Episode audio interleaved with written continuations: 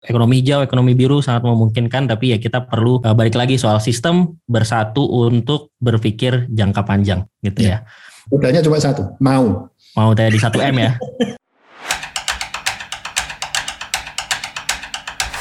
Gue Iqbal Haryadi dan lo lagi mendengarkan podcast subjektif.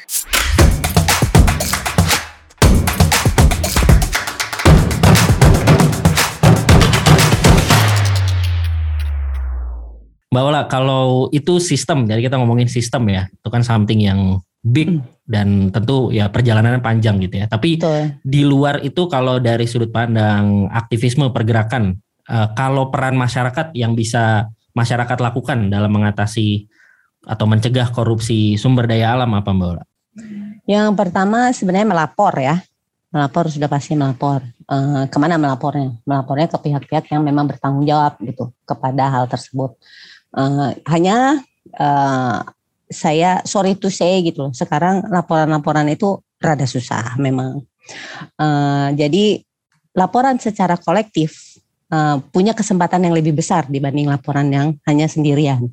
Nah itu mungkin uh, bisa jadi satu apa ya satu cara uh, untuk bisa uh, membuat laporan itu diterima.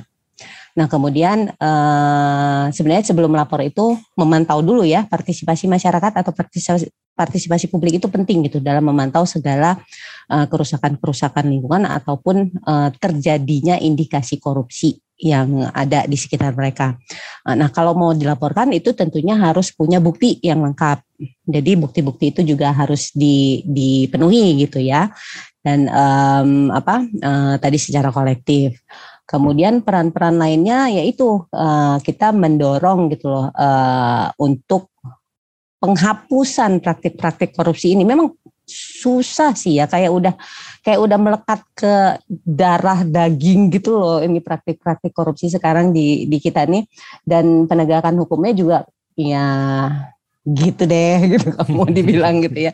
Jadi kayak uh, tajam uh, tajam ke bawah tumpul ke atas juga gitu kalau mau dibilang tuh kan. Cuma uh, itu adalah suatu bentuk upaya buat kita buat negara kita gitu. Buat kita ke depannya juga buat teman-teman muda ke depannya juga. Jangan ini gitu. Jangan pantang menyerah. Konsisten aja. Konsisten terus um, terus juga uh, mungkin bisa juga berkolaborasi bareng-bareng sama teman-teman organisasi yang lain gitu. Sehingga laporan-laporannya juga jadi lebih lebih besar, punya uh, data-data yang lebih kaya dan lebih akurat gitu. Jadi itu bisa jadi satu ini satu cara lah buat uh, apa uh, menahan praktik-praktik korupsi di sekitar kita sendiri gitu ya. Oke, terima kasih Mbak Ola.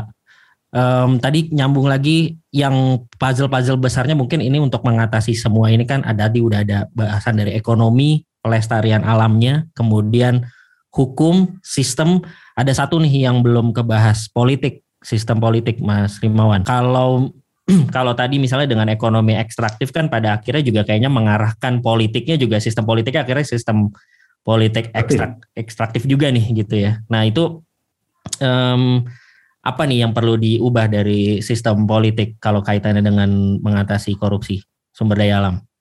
Ya baik, jadi eh, problem kita itu adalah ketika kita melakukan reformasi dulu, kita itu tidak punya blueprint terkait dengan reformasi itu sendiri. Apa yang dilakukan setelah reformasi itu orang tidak tidak berpikiran. Kita terbiasa untuk berpikir myopik. Pada saat itu orang hanya fokus saja bagaimana eh, istilahnya itu mengganti orde baru gitu kira-kira. Hmm. Tapi ada pertanyaan kemudian.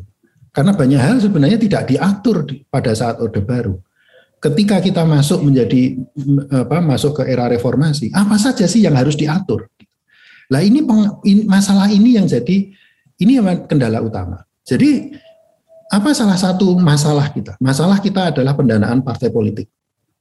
Dan pendanaan partai politik ini sistemnya itu kita tidak melakukannya secara seksama.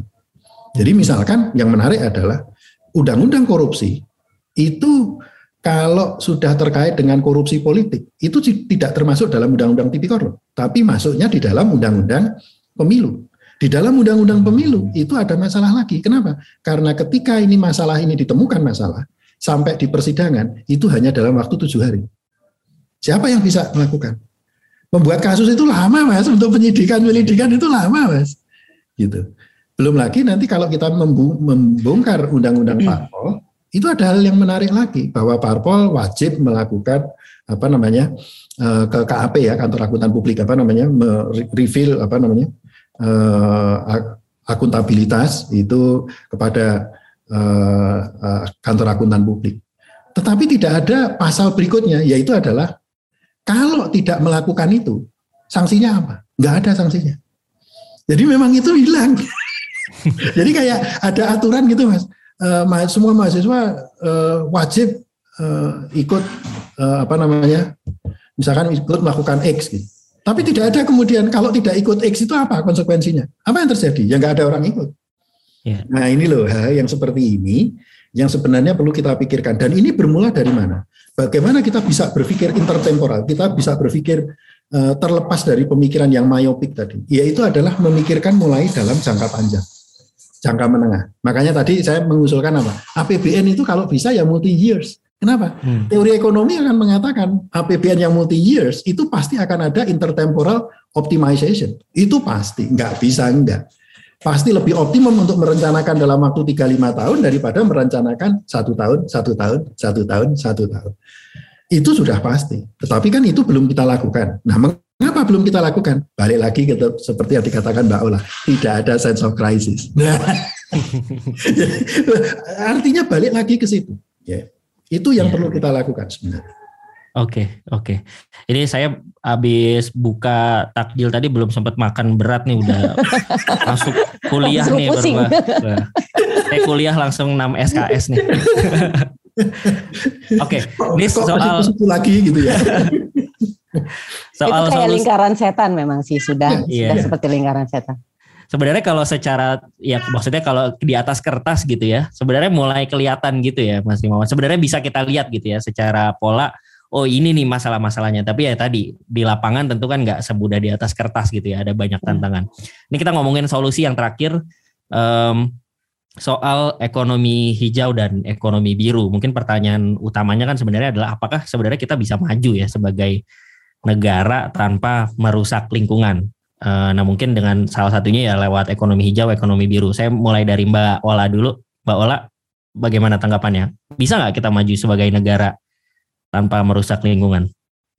Balik lagi tadi sih masalah saya. Sistemnya itu harus di apa ya diperbaiki sistemnya. Kemudian tadi yang Mas Rimawan bilang soal aturan-aturan tadi. Aturan-aturan kita itu banyak sih, tapi terkadang tumpang tindih. Hmm. Jadi yang satu uh, dari hierarki aturan juga sebenarnya ada kan, tapi aturan-aturan itu kayak yang satu menafikan yang lain. Uh, jadi sebenarnya kita pakai aturan yang mana gitu. Dan di setiap aturan itu juga ada celahnya. Kemudian penegakan si aturan itu sendiri juga masih kurang kuat. Uh, seperti salah satu contoh misalnya pelaku-pelaku uh, perusak lingkungan yang uh, di akhirnya difonis untuk membayar ganti rugi terbayar gak ganti ruginya? Toh kebanyakan kalau kalau nggak salah ada tuh datanya dari data KPK tahun beberapa tahun yang lalu deh tiga atau dua tahun yang lalu gitu. Hmm. Kalau dari sejumlah sekian ratus miliar yang harusnya dijadikan ganti rugi yang terbayar itu cuma paling cuma berapa eh, lima puluh atau 30 persennya gitu. Selebihnya belum ada. Nah padahal kan uh, hasil dari ganti rugi itu Nah ini juga lagi ya, saya jadi keingat gitu. Hasil ganti rugi itu masuknya ke mana sih? Nah, kita eh, itu masuknya ke kas negara ya Pak Rimawan ya, sebenarnya hasil ganti rugi itu. Nah padahal sebaiknya itu juga digunakan untuk memperbaiki apa yang sudah dirusak. Hmm. Itu tadi gitu, sebaiknya yeah. seperti itu. Gitu. Nah kalau mengenai ekonomi hijau dan ekonomi, kalau yang biru saya kurang paham ya, mungkin bisa ditanya sama Mas Rimawan. Kalau yang ekonomi hijau, bisa tapi jalan kita masih panjang sekali. Tadi sistem yang masih belum yang masih dinilai masih belum cukup mumpuni, aturan-aturan yang masih banyak celah dan masih bertumpang tindih. Satu lagi adalah ini uh, uh, kerjasama antar pihak yang uh, berkaitan gitu loh. Kadang-kadang ada ego sektoral. Ego sektoral itu juga yang membuat segala sesuatu yang harusnya harmonis itu jadi terhambat itu tuh. Nah itu tuh juga harus harus diperbaiki gitu ego-ego sektoral tadi gitu. Gak usah lah ngomongin ego sektoral antar kementerian misalnya gak usah sampai gitu. Ego sektoral antar organisasi aja ada kok mas. Yeah. Banyak. nah, jadi uh, gimana caranya bisa bareng gitu. rumit yeah. banget sih memang nyuruh kompak gitu semua tuh ya susah sih memang orang-orang di masing-masing kepalanya pasti beda-beda gitu kan tapi itu saya sih masih optimis bisa ya tapi masih lama masih panjang jalannya ekonomi hijau itu juga masih panjang jalannya tapi dalam perjalanan yang panjang itu banyak yang harus diperbaiki ya oke okay. Mas Rimawan ekonomi ya. hijau ekonomi biru Ya, jadi ekonomi hijau, ekonomi biru itu memang hal yang uh, tidak bisa kita elakkan ya, terutama itu kemudian kesadaran ini uh, muncul apa sangat deras sekali sejalan dengan uh, pandemi gitu. Jadi orang kemudian pandemi itu memaksa semua pihak di dunia itu merefleksikan lagi apa yang kita lakukan selama ini dan kayaknya ke depan memang tidak ada pilihan lain yaitu adalah untuk embracing ekonomi hijau, ekonomi biru. Nah, sebenarnya ada hal yang kalau bagi kita konteks di Indonesia itu ada dari mana tadi masalah balik lagi ke sense of crisis. Apa yang akan membuat kita itu untuk uh, kemudian menggunakan ekonomi me, apa embracing ekonomi hijau dan ekonomi uh, biru? Itu kalau menurut saya itu adalah masalah persatuan, persatuan dari negeri ini. Seringkali kita itu melihat persatuan selama masa Orde Baru. Saya melihat persatuan itu seolah-olah orang tuh persepsinya loh persatuan Indonesia itu kan ya selesai pada tahun apa tanggal 17 Agustus 45 kita sudah merdeka selesai kan lalu yeah. kemudian kita mengejar ke ke kesejahteraannya lalu ada pertanyaan lagi yang sejahtera itu siapa manusia lo manusianya ada di mana manusianya 60% ada di Jawa bangun Jawa sisanya ngekos kan gitu seolah-olah kayak begitu padahal kan ini nggak bisa ini adalah bangsa Indonesia jadi eh, sejak 2014 saya punya konsep yang disebut dengan Indonesia 3015 saya tidak memikirkan 2045. Saya memikirkan 3015. Apa itu? Indonesia seribu tahun. Bisa nggak negeri ini itu bertahan selama seribu tahun? Nah, mari kita mari kita berangan-angan dan memikirkan ke sana. Do anything necessary untuk membuat negara ini bisa bertahan seribu tahun. Lalu mungkin ada orang bertanya, ngapain sih kita mikirin susah-susah? Seribu tahun itu untuk apa kita mikirin seribu tahun? So what gitu loh. Mari kita lihat. Negara yang bisa bersatu selama ratusan atau ribuan tahun. Itu negaranya sejahtera.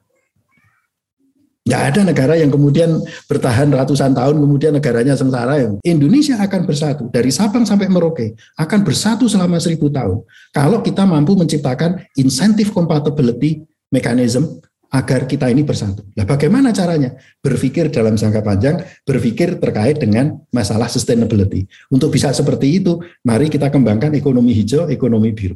Dan kondisi pandemi itu menunjukkan kepada kita betapa resiliensi masyarakat itu memungkinkan itu semua. Kita memiliki energi untuk itu.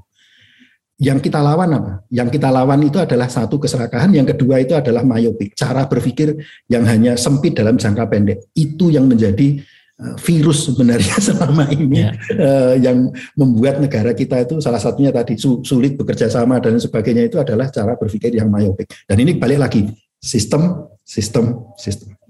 Ya, oke. Okay. Terima kasih Mas Rimawan. Jadi ekonomi hijau, ekonomi biru sangat memungkinkan, tapi ya kita perlu uh, balik lagi soal sistem bersatu untuk berpikir jangka panjang, gitu ya. ya. Nah ini mudahnya satu, uh, mudahnya cuma satu, mau. Mau tadi satu m ya. Satu ada M. ada satu ironi sebenarnya Mas Rimawan, Mas Iqbal, ya. kalau mau dilihat soal berpikir miopik tadi ya kita sekarang kebanyakan ya kalau kita lihat situasi uh, rakyat Indonesia lah gitu. Kebanyakan memang adalah hari ini adalah untuk hari ini. Besok ya, lihat iya. besok. Yeah. Nah itu PR lain lagi sebenarnya Mas Iqbal. Yeah. itu ada PR lain lagi sebetulnya. Nah itu nanti kalau diceritain panjang lagi, udah cukup segitu yeah, aja yeah, Yeah. itu yang tadi lah. Kalau sebenarnya kalau semua ini berjalan kesejahteraan oke, okay, orang kan bisa pikir jauh kan. hmm, kan. Enggak hanya di hari ini tapi ya, yeah. besok juga dan segala macam. Iya. Oke, diskusi yang panjang dan sangat menarik. Tadi uh, saya langsung memadatkan 6 SKS berbagai mata kuliah nih ya, ekonomi, hukum dan lain-lain. Uh, terima kasih Mas Rimawan, Mbak Ola. Terakhir uh, sebelum uh, akan saya tutup dengan uh, ringkasan dan uh, apa takeaways yang mungkin uh, teman-teman uh, sesama anak muda bisa kita ambil ya dan kita jadikan uh, next to do setelah ini apa yang bisa kita lakukan? Mungkin penutup dari kita mulai dari Mbak Ola dulu. Akan um, tadi yang apa yang anak muda bisa lakukan ya? Kalau anak muda yang bisa lakukan sekarang ya itu tadi um, jeli dan peka gitu terhadap apa yang sedang terjadi sekarang. kritis, bersikap kritis, tapi kritisnya juga jangan sembarang kritis juga. Ya. Uh, kemudian kalau misalnya punya informasi uh, ataupun suatu data, jangan juga uh, bukan jangan sih maksudnya uh, lebih baik itu informasi dipastikan dulu tanya gitu sama misalnya kalau mahasiswa tanya sama dosen gitu. Saya uh, tanya sama Mas Irmawan misalnya mahasiswa mahasiswanya gitu. Jadi jangan jangan takut untuk bertanya gitu jangan mendengar hanya juga sepihak gitu kan. Kemudian bareng-bareng sama-sama gitu jangan sendiri-sendiri juga. gitu. Uh, itu sense-sense seperti itu tuh bisa terbangun dari suatu uh, saat kita bahkan sekedar kumpul-kumpul nongkrong di warung kopi. Nah itu bisa terbangun dari situ obrolan-obrolan, kemudian dia punya ide, eh, jadi punya sense, kemudian akhirnya dia punya ide, kita mau bikin apa yuk gitu kan, itu bisa. Kemudian juga uh, bisa juga uh, apa uh, mulai bergabung dengan misalnya komunitas-komunitas komunitas anak muda yang yang apa yang banyak relevan dengan isu-isu yang memang diminati gitu. Kita tidak harus selalu bilang isu lingkungan ya tapi terserah aja itu itu yang banyak diminati. Sekarang banyak sekali ya komunitas-komunitas kayak gitu. Kemudian yang satu ya konsisten gitu. Kalau memang mau menyebut menceburkan diri di situ konsisten aja. Itu Mas Iba makasih. Ya. terima kasih Mbak Ola. Mas Rimawan Ya baik, jadi uh, generasi-generasi seangkatan saya ini sebentar lagi juga akan lengser anyway gitu. 10 tahun, apalagi sampai 20 tahun udahlah wassalam kan gitu ya. Uh, tentunya itu membutuhkan kemudian uh, rekan-rekan yang lebih muda, rekan-rekan yang lebih sekarang ini mungkin umur 20, 30, bahkan yang belasan. Itu perlu untuk kemudian memikirkan menjadi apa namanya uh, leaders di masa yang akan datang. Nah ini yang harus siap dan Anda ketika menjadi leaders, Anda mengambil keputusan sendirian. Tidak ada lagi yang bisa mentorin Anda. Semuanya harus Anda uh, lakukan sendiri demi kebaikan Anda, demi kebaikan generasi Anda, dan demi kebaikan generasi ke depan Anda. Nah ini yang perlu menjadi uh, pertimbangan dari eh, rekan-rekan, uh, karena kalau ini bisa disadari, maka konsekuensinya akan panjang dan kalau rekan-rekan sudah memiliki uh, kesadaran seperti itu, itu sudah wonderful sekali untuk bisa kemudian akan mengganti uh, tongkat estafet. Ya. Mungkin itu, Mas. Oke, terima kasih, Mas Rimawan. Uh, saya izin tutup dengan meringkas beberapa hal. Uh, satu pesan tadi ya, pesan buat anak muda ya, agar kita bisa bareng-bareng mengatasi korupsi atau mengatasi dan mencegah korupsi sumber daya alam bersama-sama satu tadi yang udah diulang-ulang perlu ada sense of crisis. Kita perlu peka, perlu acknowledge problemnya untuk kita bisa mulai berubah. Kemudian yang kedua, kita nggak bisa mengandalkan generasi di atas kita, generasi orang tua, tapi kita yang uh, ambil peran, anak muda yang perlu ambil peran. Kemudian yang ketiga, kita perlu kawal perjalanan panjang. Tadi ini bukan perjalanan uh, singkat, kita kawal perjalanan panjang reformasi sistem, sistem ekonomi, sistem hukum, sistem politik, sistem kita kelestarian alam itu semuanya kita kawal si perjalanan panjang reformasinya. Nah terakhir uh, ada tiga action yang uh, kita anak muda bisa lakukan sekarang. Uh, yang pertama adalah kita sebarkan informasi dari sumber terpercaya terkait dampak korupsi sumber daya alam. Tadi beberapa misalnya kita udah bahas ada kenaikan angka bencana alam, susahnya air bersih, krisis krisis uh, bencana dan lain-lain itu yang sekarang udah kerasa. Kita udah pasti kerasa itu dan kita bisa nih mulai menyebarkan informasi-informasi ini agar makin banyak orang yang sadar. Kemudian yang kedua ayo kita laporkan tindak korupsi sumber daya alam ke pihak berwajib atau penegak hukum kalau teman-teman mengetahui atau menemukan di lapangan dengan cara yang tadi mungkin Mbak Ola juga udah sampaikan. Terakhir, ketiga, ayo kita pilih pemimpin yang berkomitmen terhadap penegakan hukum dan pelestarian alam serta mengawal kebijakan yang bisa menjaga kelestarian lingkungan kita. So itu teman-teman uh, diskusi panjang kita di episode kali ini mudah-mudahan bermanfaat dan terima kasih banyak sekali lagi ke Mbak Ola, ke Mas Rimawan, terima kasih sudah hmm. sharing. Uh, mudah-mudahan bisa uh, menyadarkan lebih banyak anak-anak muda untuk kita bareng-bareng tadi ya mengawal perubahan panjang ini.